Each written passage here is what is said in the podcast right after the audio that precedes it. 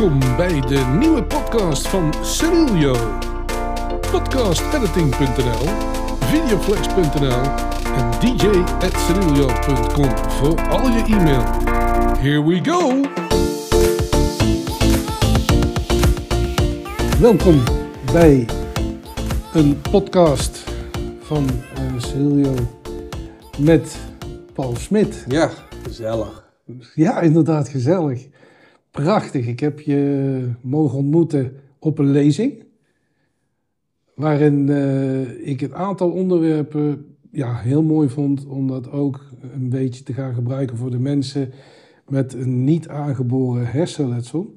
Maar er zal wel veel terugkomen, want ik vond het verhaal van de E-team vond ik ook heel interessant. en inmiddels ben ik zelf een verwend barok- en bachluisteraar. Paul, uh, je komt uit uh, neurowetenschappen als achtergrond. Hoe moet ik dat zien? Nee, van origine ben ik filosoof. En ik ben al ja, lang geleden weer de neurowetenschap ingedoken. Toen ben ik gaan samenwerken met Aitja Sapora. Zij is neurowetenschapper. We hebben laatst nog een, uh, meegedaan aan onderzoek aan de Universiteit Leiden. Van hoe werkt creativiteit in het brein. Dat was ook heel tof. Dus uh, vandaar mijn voorliefde voor uh, hoe dat gekke brein werkt. En uh, je hebt er je beroep van gemaakt door lezingen te geven? Of zeg je van, nou, ik vind het ook heel fijn om bedrijven te helpen anders te gaan denken?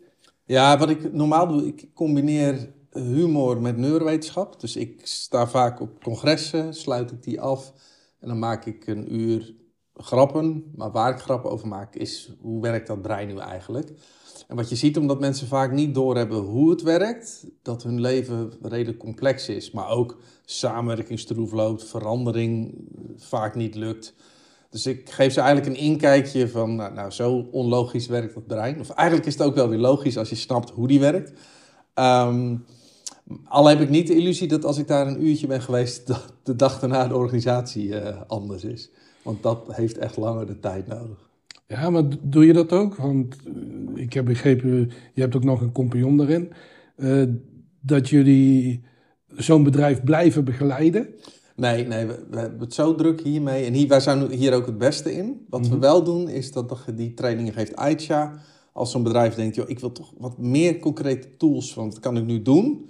Dan komt zij en dan krijg je in drie uur tijd... Uh, de zeven breinwetten heet dat. krijg je gewoon echt... Uh, ja, tot op heel concreet niveau. Oké, okay, wat kun je nu feitelijk dagelijks anders gaan doen? Of slimmer gaan doen vooral, om het makkelijker te maken. Ja, alleen wij gaan niet zo'n bedrijf in voor één of twee jaar. Dat, uh, dat is niet aan ons besteed. Daar nee. kunnen anderen veel beter. Hoe loopt zo'n tra trainingstraject? Drie maanden, één maand, een week? Nee, nee, zo'n training. Dat is, je krijgt van ons alle tools. Mm -hmm. En dan krijg je op papier ook mee...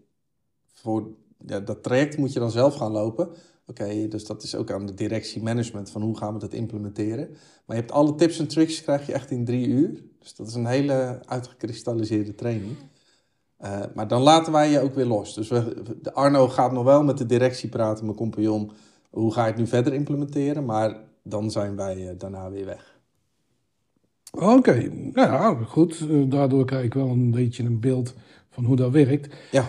Um, voor mijn vormgeving, NLP, nou ja, NLP haalt wel wat trucjes uit de neurowetenschap ook. Mm -hmm. uh, dus er zit, mensen die NLP-trainingen geven, herkennen wel eens van... oh ja, dat belichten wij hier ook op die manier. Ja, ja, ja. ja. En, en dan krijg je wetenschap spiritueel. Kwantumfysica... Uh, en dan kom ik bij je boeken uit hoor. nou ja, nee, kijk, het, het is inderdaad... Uh, in mijn boek gaan vooral over non-dualiteit. Ja. Maar dat heeft heel veel raakvlakken nu. Laat ik het zo zeggen, non-dualiteit stamt uit India, zo'n 600 tot 800 jaar voor Christus. Was dat opgeschreven in de Upanishaden.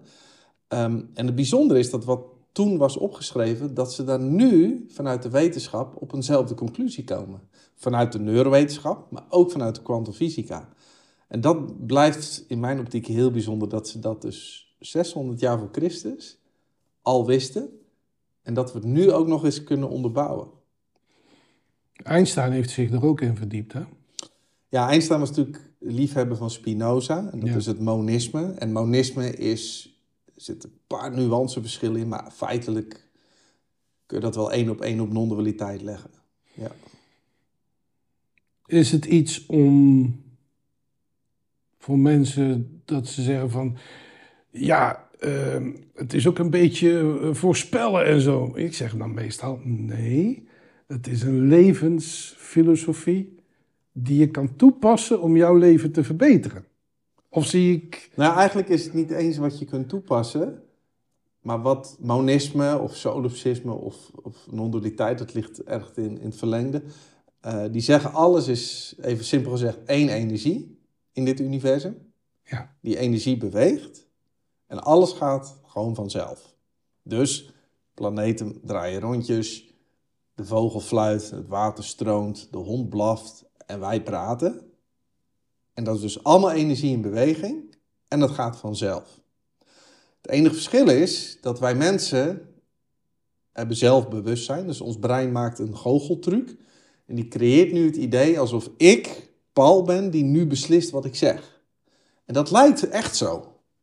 Alleen, ook ik ben gewoon energie met een programmering. En deze woorden stromen er vanzelf uit. En een, fractie van een seconde nadat ieder woord eruit stroomt, creëert mijn brein de beleving dat ik dat doe. Alleen die ik is handig in ons dagelijks verkeer, maar is eigenlijk illusoir. Dus niet meer dan een, een ervaring, maar hij bestaat niet echt. het ego? Nou, dat is dat die ik, dat zelfbewustzijn noemen ze dan het ego. Hè? Dus die, Mhm. die claimt dat ik als afgescheiden individu zelf kies wat ik doe. En als je nou die illusie doorziet, wat is dan het fijne? Dan zie je dat alles in jouw leven gaat zoals het gaat. En dat niets ooit anders heeft kunnen zijn dan dat het nu is. Dus dat maakt dat heel veel mentaal lijden vervalt. Want waar lijden mensen aan? Dat is, ze denken aan het verleden. En ze worden gefrustreerd, want ze denken dat had anders moeten zijn. Maar ze zijn ook al bang voor de toekomst. Want jouw brein kan je ook al helemaal gek maken met alle doemscenario's van wat zal er volgende week gebeuren en volgend jaar. En dat kan ook komen te vervallen. Dus, dus vandaar dat ze dan in India praten echt over verlichting. Hè? Nou, in die zin ben ik het daarmee eens dat het leven wordt wel lichter als je gewoon ziet, dit is het. En wat Eckhart Tolle in het nu-leven noemt. Ehm, en er komt toch echt wel veel stress en verkramping te vervallen. Ik vroeg me daar, want als ik dit zo allemaal tot me neem, vroeg ik me meteen al af. Hoe werkt dat dan bij mensen met neuroses en psychoses? Eh, werkt dat exact hetzelfde in dat brein of wordt dat door bepaalde stofjes alleen maar sterker gemaakt? Eh, nou ja, dat is natuurlijk heel breed. Hè. Je kunt natuurlijk, ik noem het even, laat zo zeggen, bij sommige mensen, daar kunnen ze ook niks aan doen, maar functioneert het brein net even wat anders. Sowieso functioneert ons brein bij iedereen iets anders, hè, want je hebt een andere samenstelling van dopamine, serotonine, et cetera. We hebben andere eh, genen. Dus ook al zit er een enorme overlap in hoe ons brein functioneert, iedereen heeft zijn eigen programmering. Maar als je dus eh, de, bijvoorbeeld autisme hebt of je hebt de hersenbeschadiging, dan functioneert dus die machinekamer net iets anders, waardoor het leven ook op een andere manier wordt ervaren. Ooit heb ik daar een speelfilm van gezien met John Travolta. Rain Man. Ik, nou ja, maar dat is ook dat is, dat is met Dustin Hoffman en. eh, Oh ja, dat is waar, dat was niet die. Nee, met John Travolta, waarin hij getroffen wordt door een bliksem. Ja. En hij is daarna het medium van dat dorp. Maar hij is ook de allesziende en de alleswetende. Oh ja, ja, ja. En het blijkt daarna een, Ik heb hem gezien. ja, een, Goeie een, film. een gezwel te zijn in de hersenen in de vorm van een tumor. Ja. Ehm, Wat vaker voorkomt, hè? Dat Ja. doordat er een tumor is, gaan, breindelen anders werken. En dat kan je of heel erg beperken en belemmeren, of het kan je op bepaalde vlakken geniaal maken. Ja, nou, en daar wou ik ook een beetje naartoe gaan in dat brein. Ehm, dat bepaalde functies in jouw brein sterker geactiveerd worden. Ehm, ik heb eh, helaas de ervaring eh, met uh, kaverneus hemangiomen. Dat zijn opzwellende uh, bloedvaatjes in de hersenen. Vandaar het woord caverneus. Hemangioma heeft iedereen. Mm. Dat zijn gewoon uitstulpjes op het lichaam. Um, alleen als het in de hersenen zit, ja, dat is natuurlijk een, een minder uh, prettige uh, omgeving. En als ik ga kijken naar uh, mijn jongste dochter, die samen met mij helaas dit heeft, zij ervaart het wereld anders en is super gevoelig. Mm. Kan heel moeilijk prikkels aan. Wordt daar ook heel erg moe van. Ja. Um, hoe zit dat in dat verhaal HSP? Want ik heb me wel eens verdiept in HSP natuurlijk, omdat ja, al snel werd gezegd, ze is HSP. Ja. Um, wat doet dat brein dan in de vorm van een, uh, ja, een aandoening is het, wat je net ook zelf zegt. Uh, in dat verhaal dat dat inderdaad die HSP nog sterker stimuleert. Zijn dat stofjes of is dat de, de, het verkeer tussen de neuronen? Ja, dat ligt heel erg in het verlengde. Hè? Maar dit kan heel veel oorzaken hebben. Hè? Dus, dus daar is geen eenduidig antwoord op. Um, je kunt wel zien, um, bijvoorbeeld mensen met meer testosteron. Nou, testosteron remt de sensitiviteit enigszins. Dus de echte alfamannen zijn vaak minder gevoelig. Wat in de oertijd heel handig was. Maar je ziet mensen bijvoorbeeld met meer oestrogeen zijn juist wel weer meer sensitief. Dus het kan liggen aan hormonen en neurotransmitters, hoe je het ervaart. Maar het kan ook weer liggen um, als jouw neocortex, je rationele deel in het brein, dus het nieuwste deel, mm wat die vaak doet, is dat hij het limbisch systeem, dat is ons emotionele deel, dat hij die enigszins afremt. dus als jij bijvoorbeeld in één keer heel boos bent, dan kan je neocortex nog net afremmen van: oké, ga nou niet iemand slaan. Dat is een beetje het wijze deel.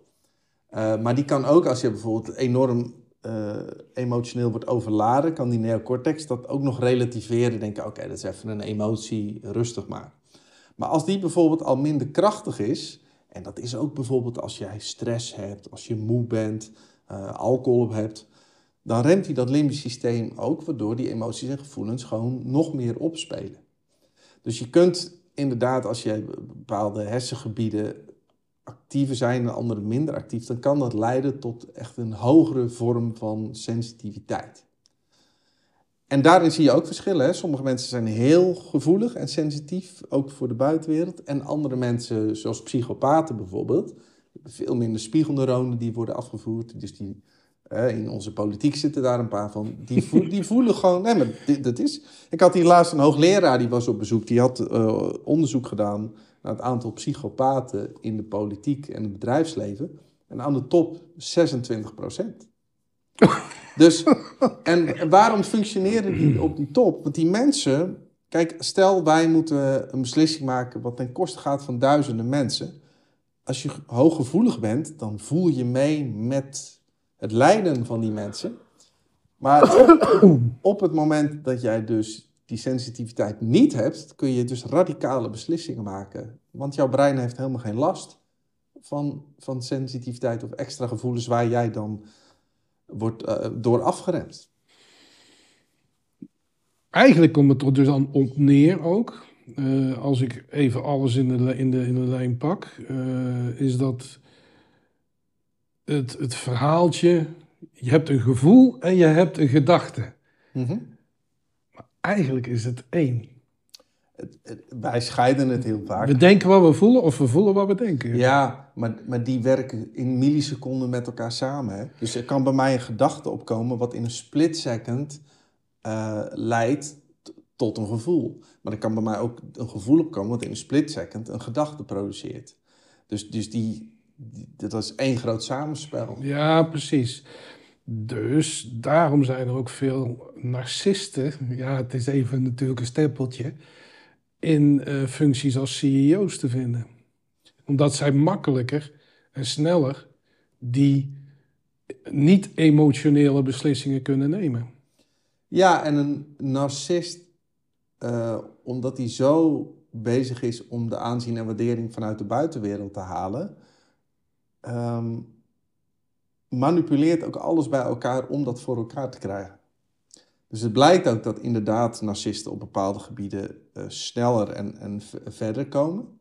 Alleen blijkt uit een ander onderzoek, dat is weer fijn. Nice guys finish last and first. Dus wat je ook weer ziet, en dat blijkt dan, dat, dat, dat op het allerhoogste niveau zie je de mhm. nice guys weer komen. En dat komt, zo'n CEO is vaak zo ontzettend zichtbaar voor de buitenwereld, dat als hij niet deugt, zou hij geen volgers hebben. Dus dat is ook wel weer het fijn uit onderzoek, dat ons brein ook wel weer zo slim is uh, om de nice guys te herkennen uiteindelijk.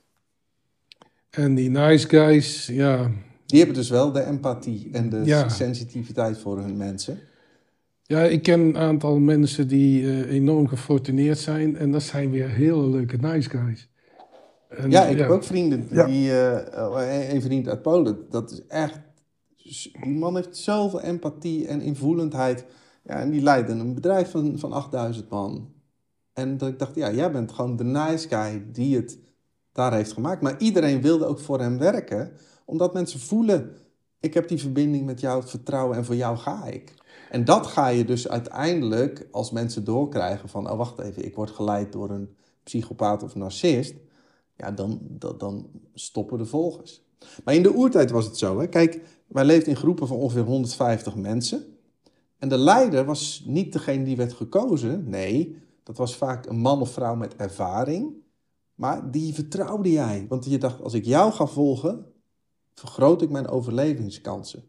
Dus dat moest wel een nice guy of nice woman zijn. Was het zo dat, dat die leider uh, zijn macht ging misbruiken, dan stopten mensen gewoon met het volgen. Of in het slechtste geval, als je sliep, dan werd gewoon je kop eraf gehakt. Zei, jou hebben we niet nodig. Dus zo'n leider was altijd op zijn hoede. Ik moet goed zijn voor deze mensen, anders rolt mijn kop. Maar nu, door de, alle, structuren, als Mark Rutte bijvoorbeeld, dat is meer een magiavelist, maar als die zich continu misdraagt, maar hij kan niet worden afgezet, dan gaat zo'n brein wordt nooit afgeremd om ook daadwerkelijk het gedrag aan te gaan passen. Dat, dan roepen ze wel een keer nieuw leiderschap. Wij weten beter. Um, dus we hebben altijd nodig dat leiders een tegenkracht moeten hebben om afgezet te kunnen worden. Anders dan zie je dan krijg je een, een, een Trump of een Poetin en allemaal dat soort uh, types. De mensen die graag helpen, die ken je denk ik ook wel. Uh, dat zijn de altruïsten. Op zich niks mis mee. Dat zijn ook de, de happy guys, de mhm. leiders die je graag mag. Ja. Maar je hebt ook mensen die zeggen van... oké, ik ga eerst voor mezelf zorgen. En als ik goed in mijn jasje zit... kan ik een ander ook goed helpen. Ja. Hoe betitel je die dan? Zijn dat, hoort, hoort die ook bij de, de nice guy? Ja, dat kan. Nee, dat is een, dat is een vorm van seksuele selectie. Dus, dus in de oertijd was het zo. Uh, als ik uh, iemand anders ga helpen, geef ik dus aan uh, om mijn partnerkeuze te vergroten. Van kijk eens, ik heb alles geregeld voor mezelf. En zelfs dan heb ik nog energie over om ook nog een ander te helpen dus ik heb nu ook een stichting in, eh, waarbij ik arme mensen in India support. Maar feitelijk is dat seksuele selectie. Hè? Dat, zo ervaar ik dat zelf natuurlijk niet. Hè? Maar mijn brein die denkt, oh kijk, mij is goed zijn. Maar wat feitelijk gebeurt, is dat ik laat zien, ik heb alles geregeld. En zelfs nu heb ik nog energie over om een stichting op te richten. En dat is, uh, dat is het voordeel van seksuele selectie. Dat je ook iets goeds doet voor een ander. Oké, en, daardoor, en je krijgt daar ook weer energie van. Zeker, en natuurlijk biologisch gezien vergroot ik mijn partnerkeuze hiermee. Nu heb ik al een lieve vriendin. Maar, zelf, maar zelfs dan uh, gaat, dat, gaat dat systeem gewoon verder. Feit dat wij deze podcast opnemen, is seksuele selectie. Oké. Want je laat zien, kijk eens, wij zijn twee intelligente mensen. Mm hè, waar feitelijk biologisch gezien onze marktwaarde uh, de, de wereld ingooien. En dat vergroot weer je kans op partnerkeuze. Wij ervaren dat niet zo, hè? want ons brein heeft natuurlijk het zo gedaan in de evolutie dat uh, wat nuttig is voor jouw overleving, vind jij leuk. Ja. Dus wij zeggen gewoon, wij vinden het leuk, wat ook echt zo is, mm. om gewoon een gesprek te voeren. Ja, en daar zit voor mijn kant weer een altruïstische gedachte achter. Van, joh, iedereen die hier naar luistert, kan het tot zich nemen en kan er eventueel wat mee doen. Oké, tot nu toe hebben we niet echt handvatten uh, nog gegeven, maar we hebben wel inzichtelijk gemaakt hoe we dus met het gevoel, gedachte bezig kunnen zijn. Ja, en dat is, het, het zit ook weer uit, als ik weer naar de oertijd ga, dat is ook dus het delen van kennis en ervaring was voor iedereen nuttig in die tijd. Hmm. En dat zit dus ook nog in ons. Daarom vinden wij dit leuk om te doen. Ja, ik vind het dus sowieso heel erg interessant. Mijn eerste kennismaking met, uh, met, met het brein was toen ik uh, een cursus NLP mocht gaan doen. En er ging een hele wereld voor mij open. Ik denk, wow, wat is hier aan de hand? Alleen naarmate die cursus vorderde, kwam ook steeds meer een stukje spiritualiteit om de hoek kijken. Ja. In de vorm van manifesteren, affirmeren, voor de spiegel gaan staan en zeggen dat jij de man bent. Wat narcisten al vanuit nature doen. Weet je? maar, en dan de gulden regel. Hou van jezelf. Daarna kom ik in aanmerking, of in aanmerking, in aanraking met, uh, met, met een boekje van Jan Geurts. En, uh, en de term non-dualisme. En dan ga je ineens verder en dan kun je daarin verder uh, beduren. Je kan er, wat je zelf zegt, ook zoveel op, op vinden. Ja. Eckhart Tolle is, is natuurlijk een van de leading grounded fathers.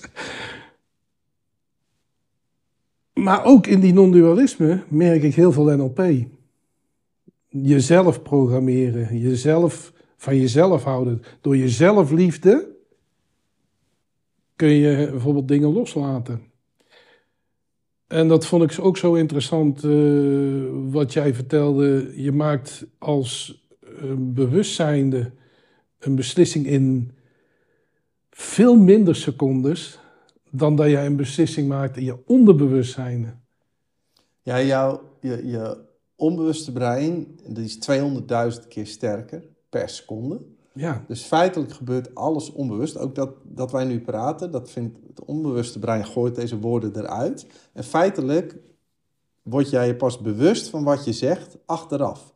Dus Eckhart Tolle zegt ook altijd voor de grap: ik ben ook luisteraar van mijn eigen speech. Want je weet niet wat je gaat zeggen van tevoren. Ehm, alleen creëert het brein daarna, met een fractie van een seconde, eh, de beleving. Ja, maar dat, ik kies wat ik nu zeg.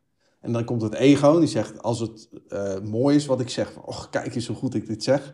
Uh, maar ook als het een keer struikel over woorden, ja, van, ach, kom ik weer niet uit mijn woorden. Dan krijg je weer die, waar Jan Geurts het over heeft, de zelfafwijzing. Dus als je dat gaat doorzien, dan, komt, dan ontstaat automatisch zelfliefde. Want dan is er gewoon compassie met, oké, dit is dus een stukje energie in beweging. En die volgt gewoon zijn natuur. En die kan niet anders doen dan dat hij doet. Maar doordat mensen zich zo identificeren, krijg je juist zelfafwijzing. Dan krijg je, ben ik wel goed genoeg? Wat vinden andere mensen van mij? En dat zie je ook bij veel mensen. De, onzekerheid en het vergelijken met andere mensen op Instagram. En uh, ja, daar word je alleen maar depressief van. Elon Musk had gisteren een leuke tweet. Die zei... Uh, uh, Instagram maakt mensen depressief en Twitter maakt mensen boos. Wat is het beste? Dat vond ik echt heel oh, grappig. Die, had ik niet gezien. Dat lijkt me ook wel heel erg leuk. Ja, ja, ja, ja dat klopt. Twitter maakt mensen boos. die had gelijk. Ja, maar dat vind ik ook weer. Daarom vind ik hem wel leuk. Hij heeft die zelfspot. Hij is eigenaar van Twitter. Maar hij neemt gewoon zichzelf ook nog te grazen. En dat vind ik dan wel weer geinig. Ja, dat vond ik wel mooi, ja. Ja, ik heb kan, ze schieten me niet te binnen, maar heeft inderdaad de afgelopen maand tweets de, de lucht in gedonderd. Die, de, die ik ook zo sterk vond. En uh, ja, er is een groep die zegt van ja, Elon Musk is uh, Satan. en een andere groep zegt ja, het is de verlosser. Ja, ik vind, het, gewoon, ik vind het gewoon leuk om te lezen. Ja, nee, ja, het blijft vermakelijk, dit soort typen. Ja, vermakelijk. Ja, dat is een mooi woord. Um, als ik nu kijk naar uh, wat er in dat brein gebeurt en dan echt eh, medisch. Er zijn zoveel dingen die ik niet kan verklaren. Ja. En dan is het mooi dat eh, Robert Bridgman zegt dan, ja, laat het dan gewoon zijn. Ja. Die acceptatie, hoe zou ik dat sneller kunnen creëren? Eh, nou, dit is niet iets wat jij kan doen, Precies. maar, maar dat is het inzicht dat die jij er helemaal niet is. Dus het bewustzijn wat je bent, heeft het al lang geaccepteerd. Er is alleen maar als je denkt, ik ben dit ikje, die de controle heeft, en dan denkt, oh, nu moet ik dit gaan controleren of gaan loslaten of accepteren. Maar dat ikje kan dat helemaal niet. Daarom is non-dualiteit helemaal niet leuk voor het ego. Want die zegt gewoon, je bent het alomvattende bewustzijn, Ja, waarin alles verschijnt en verdwijnt. En dat is al lang geaccepteerd. Ik bedoel, als jij zegt tegen mij, ik accepteer hoor dat die lamp hier aanstaat. Dan zeg je dus eigenlijk, goh, wat stoor ik me aan dat licht. Maar goed, ik zal het een plekje geven. dus, dus, maar als het gewoon gezien is, ah, er is gewoon licht, punt. Dus mensen zeggen, ja nee, ik, ik moet het accepteren. Ja, dat, dat, je kunt het niet accepteren. het is er. Het, het is al geaccepteerd. Het is alleen maar dat ikje staat continu in de weg. En waarom vraag ik dat? Omdat eh, ik ben, ben bezig met, eh, met een aantal podcasts op te nemen voor Kanjer. En ik hoorde daar een van die dames die drie keer, voor de derde keer kanker heeft gekregen, borstkanker. Eh, zelfs een, eh, een, een, eh, een hartinfarct aan over had gehouden. Weliswaar door een medische misser, maar dat maakt op zich niet uit. Het, het is allemaal verbonden aan elkaar. Ja. En die zei ook van ja, het, het ligt ook in de acceptatie. Kunnen wij met ons brein onszelf helen? En dan heb ik het niet over liefdesverdriet. Dan heb ik het echt over helen. Nou ja, kijk, het brein is plastisch, dus die, ehm, die is natuurlijk deels wel, deels niet. Je ziet als er hardnekkige trauma's zijn of als mensen onveilig gehecht zijn in de jeugd, dan blijft dat systematisch een soort beschadiging in dat brein. Aan de andere kant zie je dat het brein ook door inzicht of door therapie of door eh, allerlei filosofische stromingen inzichten kan opdoen, waardoor daadwerkelijk dingen milder kunnen worden of, of over kunnen gaan. Eh, dus, dus, dus dat brein is flexibel, maar kan niet alles helen. Er zijn mensen met zulk hardnekkig trauma of die uit de oorlog komen. Ja, er is echt heel veel werk voor nodig om die verbinding in het brein weer een beetje normaal te laten vuren. Ja, maar dat zijn mentale helingen. En nu heb ik het over fysiologische helingen. Dus eh, nou ja, zelfs dan. het, mensen- kank, het- de, de kanker is een cel. Ja, Kan ik dat met mijn brein beïnvloeden? heb, Ehm, je daar, heb je daar voorbeelden ook ooit van? gehad? Nou ja, er zijn. ehm, je mindset, maar die kies je ook niet zelf, hè, maar dat heeft daar echt veel mee te maken. Dus mensen die nog heel veel ambitie hebben en, en hoop en willen, eh, dat heeft daadwerkelijk een effect op mensen die het opgeven. Hè, dat, je gaf net een mooi voorbeeld van je moeder, Mhm. eh, die dan opeens zou overlijden en dan toch nog drie best wel goede dagen heeft Zo, om ja. afscheid te nemen. Nou, dat zit er dus in, dat, dat, dat, er komt er zoveel ook dopamine vrij, maar dan is er nog zo'n wil om iets te doen en die kracht eh, die ook in dat brein ontstaat, maakt dat je het verder redt. En soms zie je ook, dat zie je heel vaak, stellen die heel lang samen zijn geweest, als dan de een overlijdt, maar dus in no time geeft de ander het op en die overlijdt dan ook. Dus die wilskracht, ook al kies je die niet zelf, maar heeft daadwerkelijk effect op ook je hele lichaam. Oké, dus wilskracht is eigenlijk, staat los van het ego. Het staat los van, ja, even plastisch genoemd, het brein. En ja, dan komen we weer terug op waar we mee begonnen. Is het een gedachte? Is het een gevoel? Wilskracht lijkt mij een gevoel. Eh, zelf ken ik het ook. Ik, ik heb het ook een paar keer zelf mogen ervaren. Ehm, door in een situatie te zijn waarvan je het licht, ja, je je voelt gewoon het leven vertrekken. Mhm. Maar ik zei op zijn Brabants, nee, verdomme, Ik wil mijn dochters nog zien. Ja, En alles kwam weer terug. ja, Is dat ook dat stukje wat ons dan doet manifesteren en affirmeren? We, dat vond ik ook zo'n mooie lezing. Eh, dat was het eerste waar ik aan dacht. Ik zit in de auto en ik hoor een liedje in mijn gedachten. En nog geen drie minuten later komt dat liedje, eh, liedje op de radio. ja. Nou, ik heb toch geen voorspellend vermogen of helderziend vermogen dat ik met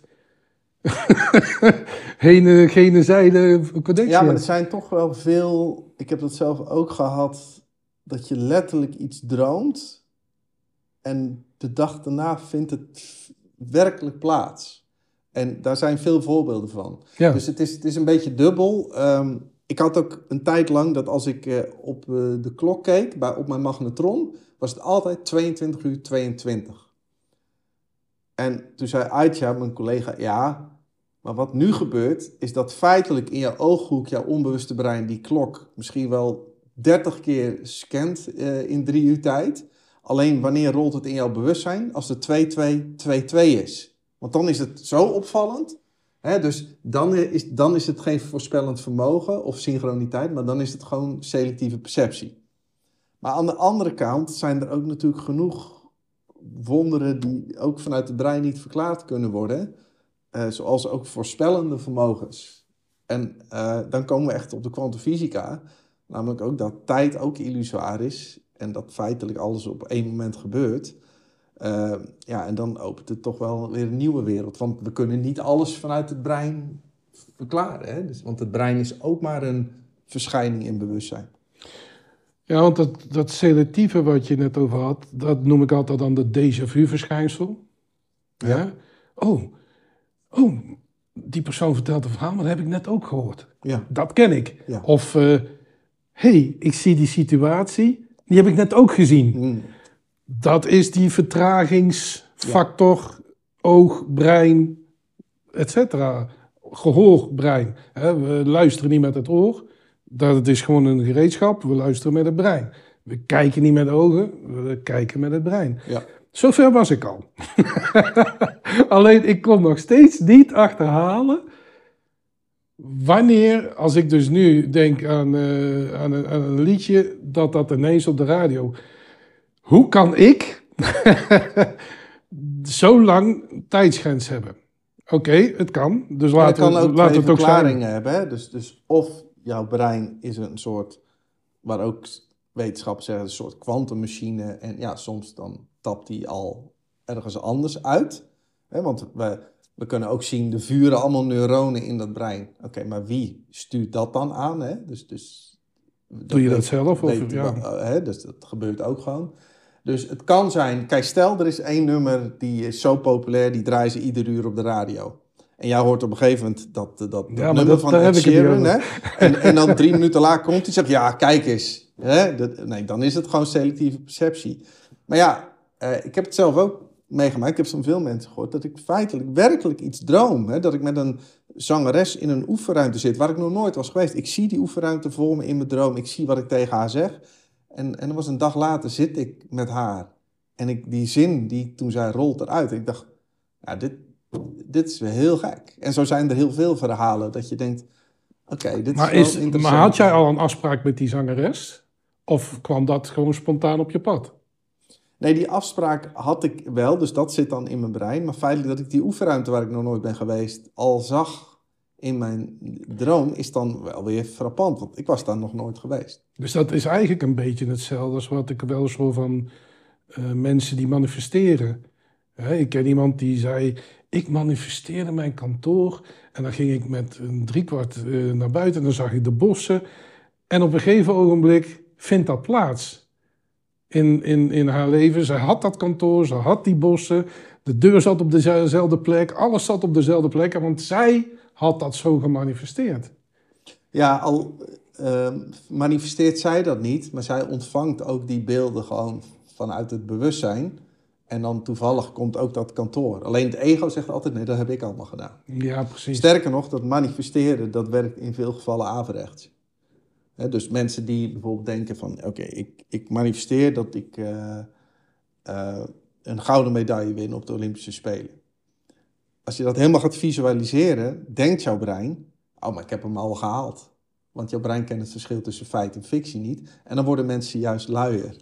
Dus het, het, dat hele manifesteren van ik wil dat bereiken vanuit verlangens, schijnt helemaal niet goed te werken. Je kunt veel beter je brein bang maken om te denken, wat als, als ik dat niet doe, wat zal er dan gebeuren? En vanuit die angst wordt de motivatie twee keer groter dan vanuit verlangen. Dan wordt die wilskracht en die overlevingsstijl... Juist, vanuit de oertijd totaal te verklaren. Hè? Dus je moet eerst overleven voordat je iets gaat verlangen. Dus angst werkt altijd sterker dan verlangen. Zelfs in de marketing weten ze dat. Hè? Als ik jou stuur op, uh, op angst, ja, er zijn nog maar drie hiervan beschikbaar. Dat je denkt, oh, moet nu. Ja. Dat werkt beter dan te zeggen, nou, dit wil je echt hebben. Keuzebeperking. Ja, Ken jij Ricardo Semler? ja zeker. Ehm, ik, heb, ik heb wel eens zijn boek gelezen. En ik zag ook dat steeds meer IT-bedrijven, en daar praat ik over, jaar of zes, zeven, zijn wereld gingen invullen. Van ja, ik ben liever ondernemer, dacht de ondernemer. En ik zorg er wel voor dat mijn personeel het bedrijf kan runnen. Ja. Dus ehm, kan dat nog in de nieuwe orde? Hè, wat je allemaal hoort. Want ja, je hebt zo'n tof praatclubje nu ergens in, in Zwitserland. Die ook bepaalde ideeën heeft, maar geen visies, maar heel op korte termijn. Ehm, werkt zoiets in Nederland? Wat Ricardo Semmer, want ik geloof er stellig in wat hij zegt. Maar Ja, het, dat heeft. je- Kijk, je kunt een cultuur niet in één keer ombuigen. Hè? Nee. Dus dat, dat is iets wat geleidelijk ging. Ehm, wat feitelijk zo is, is hoe wij het liefste opereren, is in zo'n clubje van 150, waarbij je je eigen taak hebt. Je, je wordt gewaardeerd op je kunnen, maar ook autonomie hebt. En, en je ziet bij bedrijven waar alles top-down wordt opgelegd met allemaal protocollen. Als jij die autonomie niet voelt, niet de vrijheid voelt, ik kan mezelf eh, hierin sturen, gaat de motivatie achteruit. En daarom zie je ook dat heel veel mensen werken net hard genoeg om niet ontslagen te worden. Alleen wil een bedrijf veranderen, ja, standaard weerstand. Dat hoor ik iedere dag. Terwijl wat hij doet, hij zegt gewoon: nee, jullie hebben de vrijheid, jullie hebben de autonomie en jullie gaan het inrichten. Ja, dat is het principe van commitment en consistency. Doordat mensen die zelf dat gaan invullen, gaan ze erachter staan en zich er consistent naar gedragen. Dus ik denk dat heel veel van zijn gedachtegoed, als we dat geleidelijk aan wat meer integreren, dat dat echt eh, zorgt voor meer motivatie. Ja, en je moet er ook nog geschikt voor zijn. Want je hebt de volger, hè, degene die eigenlijk niet zonder supervisors, teammanagers, weet ik wat kan. Ja. Eh, en je hebt inderdaad de autonoom. Nee, je hebt mensen met veel dopamine willen vaak de autonomie, vrijheid en, en gaan. Maar je hebt ook mensen met veel serotonine en die willen van nature gewoon structuur, orde, regelmaat en ook duidelijkheid. Dat zie je ook in verandering. Die willen eerst horen, maar hoe gaat het precies veranderen? Dieetteam. Ja, nou, hè, daar zag je die vier verschillen ook. Dus het werkt ook nog eens voor ieder persoon anders. De een heeft gewoon veel meer behoefte aan die duidelijkheid en structuur. En bijvoorbeeld ik zelf heb gewoon alleen maar behoefte aan vrijheid. En dus daar mo- moet je per mens...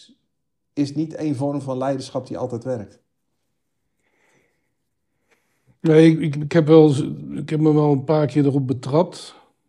Dan ehm, kreeg ik een opmerking over iets waarvan ik zeker wist dat ik het wist.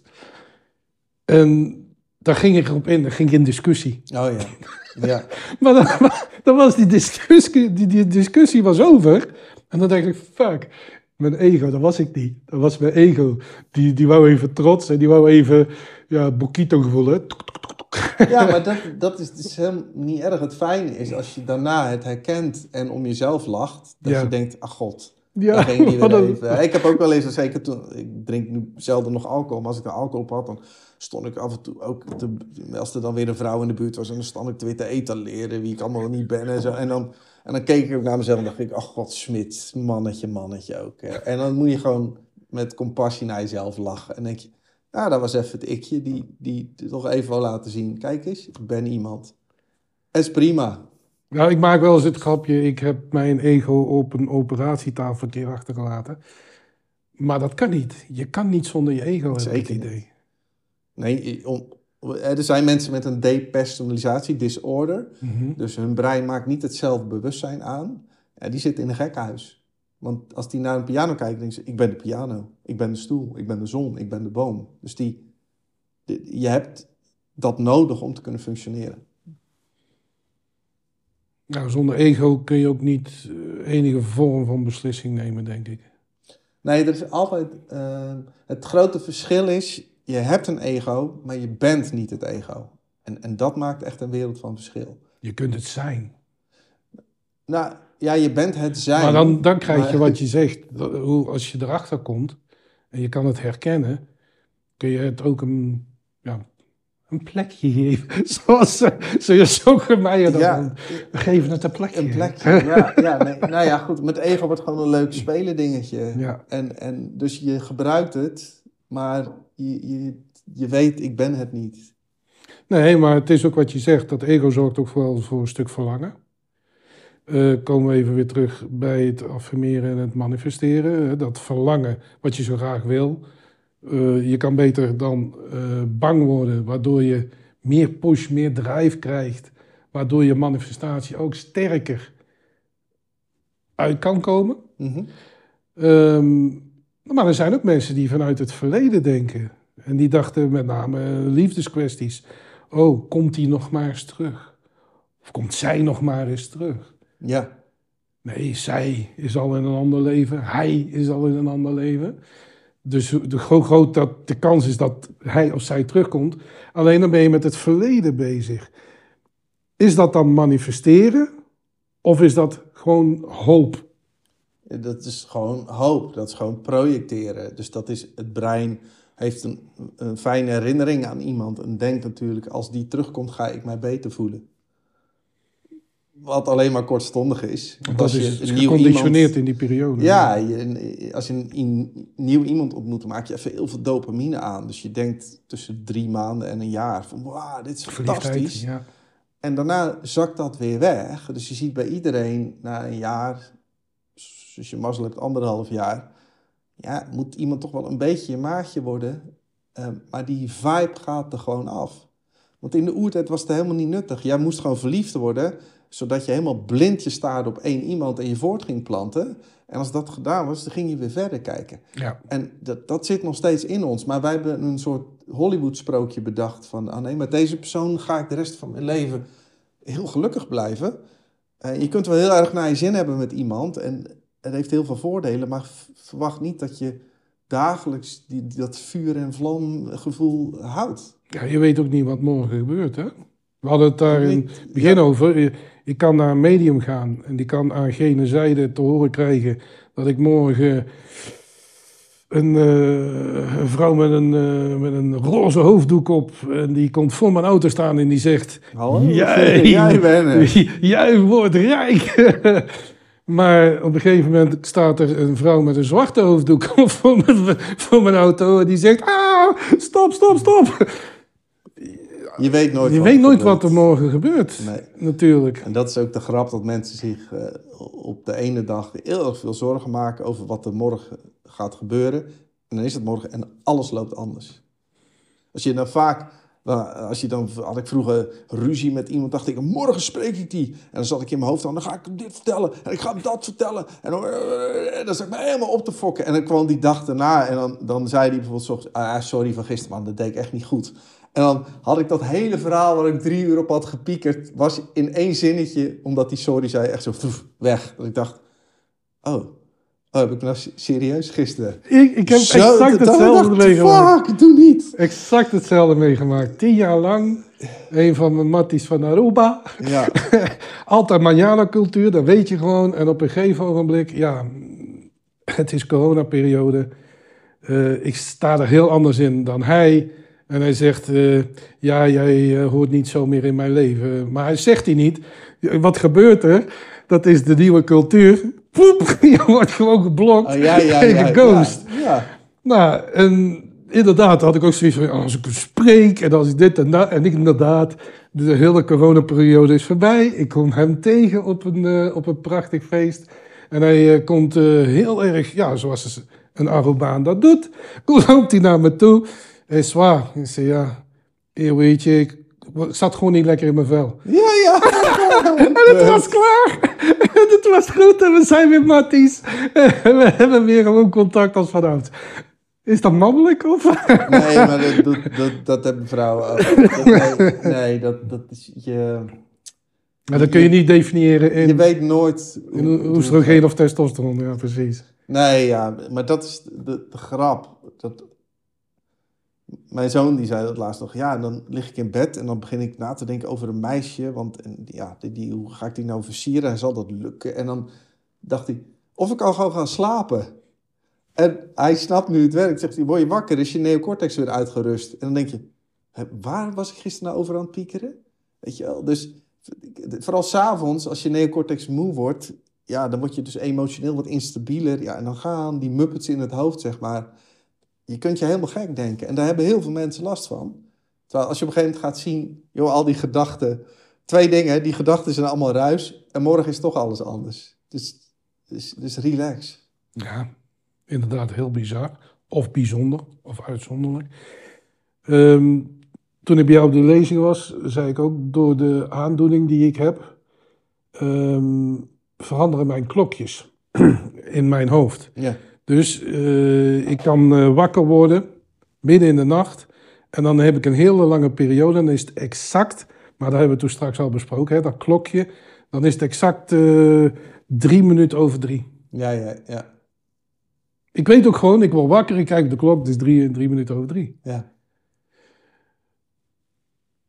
Ben ik dan al wakker? Of word ik wakker en ik zie dat het drie over drie is? Of zegt mijn brein van, nou, nu moet je wakker worden? Nee, dat kan allebei. Want je hebt natuurlijk ook, eh, het, is, het kan deels selectieve perceptie zijn, maar het kan ook heel goed zijn. eh, je brein heeft ook een biologische klok. En als dat ritme op een gegeven moment erin zit, ik word ook iedere dag word ik gewoon ongeveer kwart voor acht wakker, standaard. Eh, dus daar kan het ook mee te maken hebben. Oké, nou goed. Het brein blijft een van de organen die eh, het langste functioneert samen met je hart. Ja, Eh, terwijl je andere organen het al eventueel laten afweten. Ja. Maar is het brein nou die al die stofjes produceert waar we het ook net allemaal over hadden? Of produceren we heel veel in andere organen? het is natuurlijk, eh, ieder orgaan heeft daarin zijn functies. Het is een holistisch geheel. Eh, dus en, en ook oxytocine bijvoorbeeld, dat gaat door je hele lichaam. Dus ehm, je kunt niet zeggen, dat is één element die dit doet. Hè? Want er zitten ook bijvoorbeeld neuronen in je hart, maar er zitten ook neuronen in je darmen. Dus dit is echt een heel complex samenspel. Nou, wel heel erg eh, interessant. Ik sprak met een psycho-immunologe. En die had het over hormonen. Tempel, temperine? Tempel... Ja, ik zit nou ineens aan trampoline te denken. Maar ja, je ziet al die hormonen. Poi, poi, poi. nee, maar in ieder geval, als, als dat hormoon niet aangemaakt wordt, Mhm. of, of minder, dan heeft dat effect op je hormoonhuishouding. Ja, oh ja. Eh, met name insuline en eh, dat soort dingen. Dus eh, vandaar dat ik het toch wel heel interessant vind om te kijken van, goh, is die lever ook een onderdeel van het brein? En je zegt het zelf al, hè, er zitten neuronen in, dus dat kan, moet ook niet, dat kan ook niet anders. Dan moet continu verbinding ja nee, via de zenuwen gelegd worden. Of... eh, zeker. Ja. Als ik een eh, boek van jou wil lezen, waarin we wat we net een beetje besproken hebben over het brein, welk boek zou ik dan moeten kopen? Ja, ik, Nou, heb, als- ze, ik heb ze allemaal. Als het gewoon concreet is, die ik met Aitje heb geschreven, eh, veranderen voor luie mensen. Ja. Dan leer je echt het meeste over, oké, hoe zit dat brein in elkaar en waarom doen wij mensen zoals we doen? En wil je echt de hardcore non-dualiteit, is het verlichting voor luie mensen. Dat zijn denk ik wel de twee meest verkochte boeken. Heb je zelf wel eens zo'n retraite gedaan? Nee. Of zo'n transformatie? Nee. bijeenkomst, cacao, ceremonie, dat soort dingen. Nee, ik denk niet dat dat aan mij is besteed. Dat, eh, Ben je veel te nuchter voor? Nou, ik sta wel voor veel open hoor. Want ik denk echt niet dat wetenschap de, de laatste tool is. Ik denk dat er een hele wereld achter schuilt en dat we nog bijna niks weten. Eh, Omdat het heel beperkt is wat wij kunnen bevatten. Ehm nou ja, ik sta wel voor dingen open, maar ik, ik ben een beetje ehm, allergisch voor de Dunning-Kruger gehalte. Dus mensen die echt met nul kennis laat ik zo zeggen, Dunning-Kruger effect houdt in dat mensen die nauwelijks kennis van iets hebben, super overtuigd zijn, eh, veel vertrouwen over hun kennis. Omdat ze, eh, ze weten bijna niks, maar ze denken, dus zoals mijn oom denkt over politiek, die heeft altijd, ah, de politiek dit, maar die weet er niks vanaf. Terwijl Aitja met drie universitaire titels heeft juist heel weinig vertrouwen, want die weet, ja, er is nog zoveel wat ik niet weet. Dus die is altijd heel genuanceerd. Het Greta Thunberg effect. Die ken ik niet. Oh, een meisje van 16 zegt hoe slecht wij de aarde en het klimaat behandelen. Ja, En naast haar staat een arts met afgestudeerd en weet ik veel. En die zegt, ja, maar meisje, het zit toch iets heel anders Oh ja, nee, in dat, elkaar. dat is ook Dunning-Kruger. en, en heel de wereld volgt zo'n Greta Thunberg. En zegt, ja, maar Greta heeft gelijk. Bedoel ja, je dat dus, met... maar zo zie ik dus ook veel mensen vol overtuiging alles posten en vertellen. Dat ik echt denk, ja, je hebt echt heel weinig kaas gegeten, maar je bent super overtuigd. Er zit nul zelfreflectie meer in over, klopt dit wel wat ik zeg? Dus, dus ik ben altijd een beetje eh, afwachtend en de kat uit de boom kijkend met, met mensen die heel hard eh, iets, iets roepen, zeg maar. Vandaar dat ik niet zo snel iets zal volgen, denk ik. Heb je boeken gelezen van David Icke? Ja, David Eiker ben ik, moest ik toen met een vriend die zei: We gaan naar Londen. Het is een lezing van zeven uur lang. En ik wist helemaal niet wie die man was. Dus ik wij naar Londen was echt superleuk. Zo, zeven uur lang. Maar die, Boring of... eh, nee, want hij kan wel uitzonderlijk goed vertellen. Maar het was natuurlijk, ja, je wordt niet heel vrolijk. Hij legt zeg maar alle, alle corruptie in de wereld even in zeven uur lang uit. Dus het is niet dat je naar huis gaat en denkt: "Ah, Wat een leuke wereld. Maar ja, ja ik vond het wel. ehm, ik vond het knap dat die zeven uur mensen kan boeien, laat ik het zo zeggen. Ja, maar er zijn er meer. Hè? Eckhart Tolle, die komt binnenkort, ik dacht in oktober, in Ahoy. Dan gaat hij ook een hele dag eh, Oh ja. vertellen. Ja, daar ga ik ook niet bij zitten. Nee, ja, ja, misschien krijg je wel een uitnodiging. Als ik, eh, althans, of een van de luisteraars weer eens een keer naar je lezing wil gaan, waar kunnen we dat zien? Waar kunnen we dat eh Ja, paulsmit.one, daar zet ik ze altijd neer. Maar ik doe ze bijna niet meer hoor. Dit was nog... Dat was nog een unicum. eh, ja, misschien dat ik weer in... Ik, misschien dat ik een benefiet hou en dan dit doe. Dan levert het nog iets op voor India. En dat motiveert mij ook meer. Zeg Die, maar. die community waar jij nu jezelf zo hard voor inzet. Precies, dan doe ik ook nog eens... Dat geeft meer motivatie. Maar heb je daar ook een apart eh, site of een landingspage ja, van? dat is eh, surpriseme.one. Dus verras me in het Engels, punt one. En daar staat alles op. Oké. Nou ja, goed. eh, je weet nooit wie zich geroepen voelt om eh, dat eens te gaan lezen. Nee, ja, dat is, het is, eh, maar het is leuk om mee bezig te zijn. En, en, Wil je er dat- nog twee minuten over vertellen? Eh, ja, dat mag. Kijk, wat, wat, en dat is het fijne van idealisme. Als jij iets doet voor een ander, ehm, word je zelf ook heel erg gelukkig. Dus, dus je ziet mensen die alleen maar met zichzelf bezig zijn, hebben minder geluksgevoel als wanneer je iets voor een ander doet. Dus in dat opzicht vind ik, merk ik ook letterlijk dat als ik met die stichting bezig ben waar ik 0 euro aan verdien, dat me dat vaak meer motiveert dan als ik puur hardcore zakelijk iets voor duizenden euro's doe. Uh, dus mij maakt het gewoon heel blij om iets te doen. En het tof is, we, we leveren werkelijk nuttige goederen, eten, kleding, dat soort dingen aan die mensen. En, en dat wordt allemaal gefilmd. Dus je ziet ook de reactie van die mensen. En als donateur krijg je die ook opgestuurd. Dus je ziet letterlijk voor je van wat het effect is. En, um, en ik hoop daarmee mensen iets meer te motiveren om... Uh... om weer naar goede doelen. Ja, nee, om, ja. kijk, ik heb zelf ook, hè, dan, ik word altijd benaderd door goede doelen. En ik denk, ja, ik heb het idee dat het naar de dikke auto van de directeur gaat daar. Maar ik zie nooit waar het terecht komt. Dus toen dacht ik, dat kunnen we echt slimmer doen. Nou, en je zegt we, je hebt daar een collectief omheen verzameld. Ja, we zitten een man of twaalf. Eh, we hebben er drie mensen in Nederland die eraan meewerken en de rest allemaal eh, mensen in India. Nou, daar moet het eigenlijk naartoe.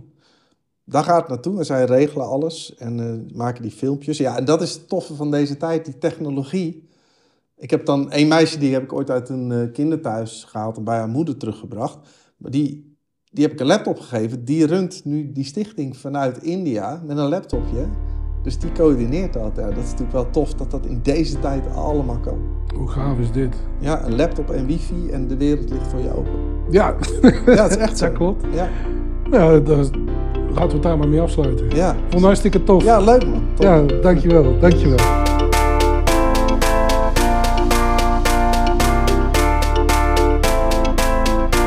En dit was dan weer een podcast van Cerilio. Podcastediting.nl, videoflex.nl, cerilio.com. Tot de volgende keer.